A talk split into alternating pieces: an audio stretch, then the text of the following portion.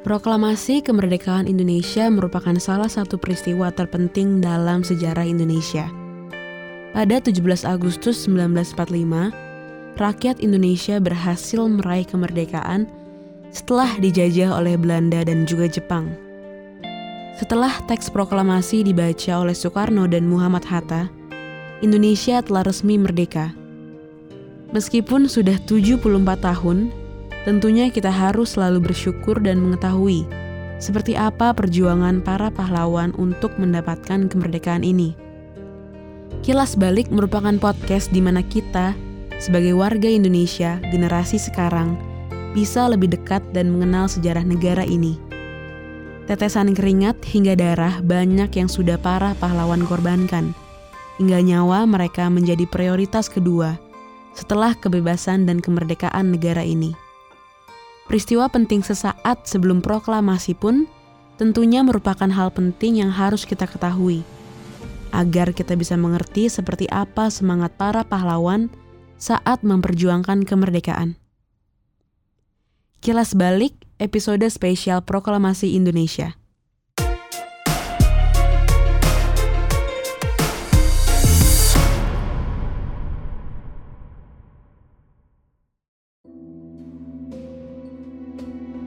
Kekalahan Jepang kepada sekutu di Perang Dunia Kedua ditandai setelah dijatuhkannya bom atom di Hiroshima pada 6 Agustus 1945 dan di Nagasaki pada 9 Agustus 1945. Berita kekalahan Jepang pun disambut baik oleh para rakyat Indonesia untuk segera memproklamasikan diri dan segera bebas. Badan Penyelidik Usaha Persiapan Kemerdekaan Indonesia atau BPUPKI atau juga disebut Dokuritsu Junbi Kosakai, didirikan sebagai persiapan kemerdekaan Indonesia dengan pimpinan oleh Rajiman Widyodiningrat. Setelah itu BPU PKI berganti nama menjadi PPKI atau Panitia Persiapan Kemerdekaan Indonesia atau Dokuritsu Junbi Inkai dan dipimpin oleh Soekarno dan Hatta.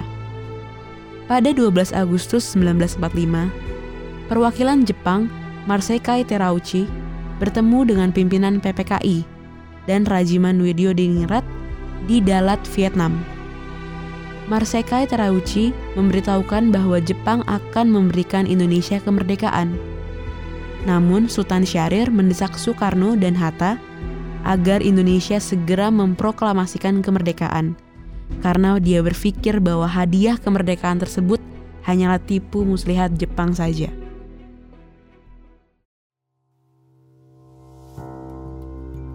Golongan pemuda dan golongan tua dari para pejuang dulu sempat memiliki argumen panas menanggapi kapan seharusnya proklamasi dilakukan. Golongan muda seperti Sultan Syahrir, Wikana, Khairul Syaleh, Soekarni selalu mendesak agar proklamasi segera dilakukan. Mereka ingin mendapatkan kemerdekaan dengan perjuangan sendiri dan bukan karena hadiah dari Jepang. Pada 16 Agustus 1945 dini hari, para pemuda membawa Soekarno dan Hatta ke Rengas Dengklok. Para pemuda ingin kembali meyakinkan Soekarno dan Hatta agar segera memproklamasikan kemerdekaan dan tidak terpengaruh oleh Jepang. Mereka meyakinkan bahwa Jepang telah menyerah kepada sekutu dan itu adalah saat yang tepat untuk segera merdeka. Ahmad Subarjo pun datang ke Rengas Dengklok untuk menjemput Soekarno dan Hatta serta memberikan keyakinan kepada para pemuda bahwa proklamasi akan dilakukan, tapi tidak boleh tergesa-gesa. Ia juga menyebutkan bahwa proklamasi akan dilakukan pada 17 Agustus 1945 selambat-lambatnya pukul 12 siang. Dengan jaminan itu, Komandan Kompi Peta setempat Kudanko Sobeno bersedia melepaskan Soekarno dan Hatta kembali ke Jakarta rombongan Soekarno-Hatta tiba di Jakarta sekitar pukul 23.00. Langsung menuju rumah Laksamada Tadashi Maeda di Jalan Imam Bonjol nomor 1. Setelah lebih dahulu menurunkan Fatmawati dan putranya di rumah Soekarno. Rumah Laksamana Maeda dipilih sebagai tempat penyusunan teks proklamasi karena sikap Maida sendiri yang memberikan jaminan keselamatan pada Bung Karno dan tokoh-tokoh lainnya. Malam itu, dari rumah Laksamana Maida, Soekarno dan Hatta ditemani Laksamana Maida menemui Somo Buko, Kepala Pemerintahan Umum, Mayor Jenderal Nishimura, untuk menjajaki sikapnya mengenai pelaksanaan proklamasi kemerdekaan. Nishimura mengatakan bahwa karena Jepang sudah menyatakan menyerah kepada sekutu, maka berlaku ketentuan bahwa tentara Jepang tidak diperbolehkan lagi mengubah status quo. Tentara Jepang diharuskan tunduk kepada perintah tentara sekutu. Berdasarkan kebijakan itu, Nishimura melarang Soekarno-Hatta mengadakan rapat PPKI dalam rangka pelaksanaan proklamasi kemerdekaan. Melihat kenyataan ini, Soekarno-Hatta sampai pada kesimpulan bahwa tidak ada gunanya lagi untuk membicarakan soal kemerdekaan Indonesia dengan Jepang. Mereka hanya berharap agar pihak Jepang tidak menghalang-halangi pelaksanaan proklamasi kemerdekaan oleh rakyat Indonesia sendiri.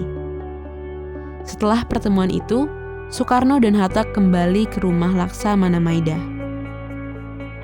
Waktu menunjukkan pukul 4 pagi tanggal 17 Agustus 1945 pada saat Soekarno membuka pertemuan dini hari dengan beberapa patah kata. Keadaan yang mendesak telah memaksa kita semua mempercepat pelaksanaan proklamasi kemerdekaan. Rancangan teks telah siap dibacakan di hadapan saudara-saudara dan saya harapkan benar bahwa saudara-saudara sekalian dapat menyetujui sehingga kita dapat berjalan terus dan menyelesaikan pekerjaan kita sebelum fajar menyingsing.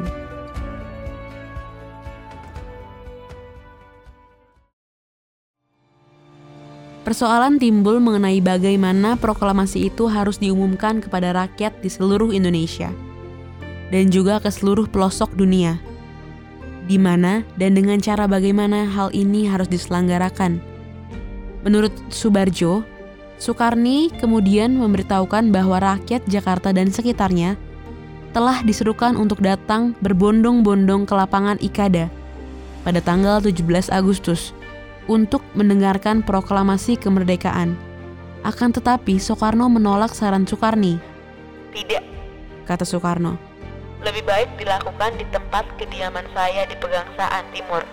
Pekarangan di depan rumah cukup luas untuk ratusan orang. Untuk apa kita harus memancing-mancing insiden? Lapangan Ikadah adalah lapangan umum. Suatu rapat umum tanpa diatur sebelumnya dengan penguasa-penguasa militer mungkin akan menimbulkan salah paham. Suatu bentrokan kekerasan antara rakyat dan penguasa militer yang akan membubarkan rakyat umum tersebut mungkin akan terjadi. Karena itu, saya minta saudara sekalian untuk hadir di Pegangsaan Timur 56 sekitar pukul 10 pagi.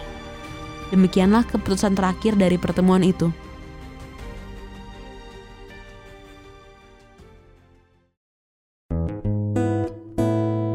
Ini merupakan episode pertama Kilas Balik edisi Proklamasi Indonesia.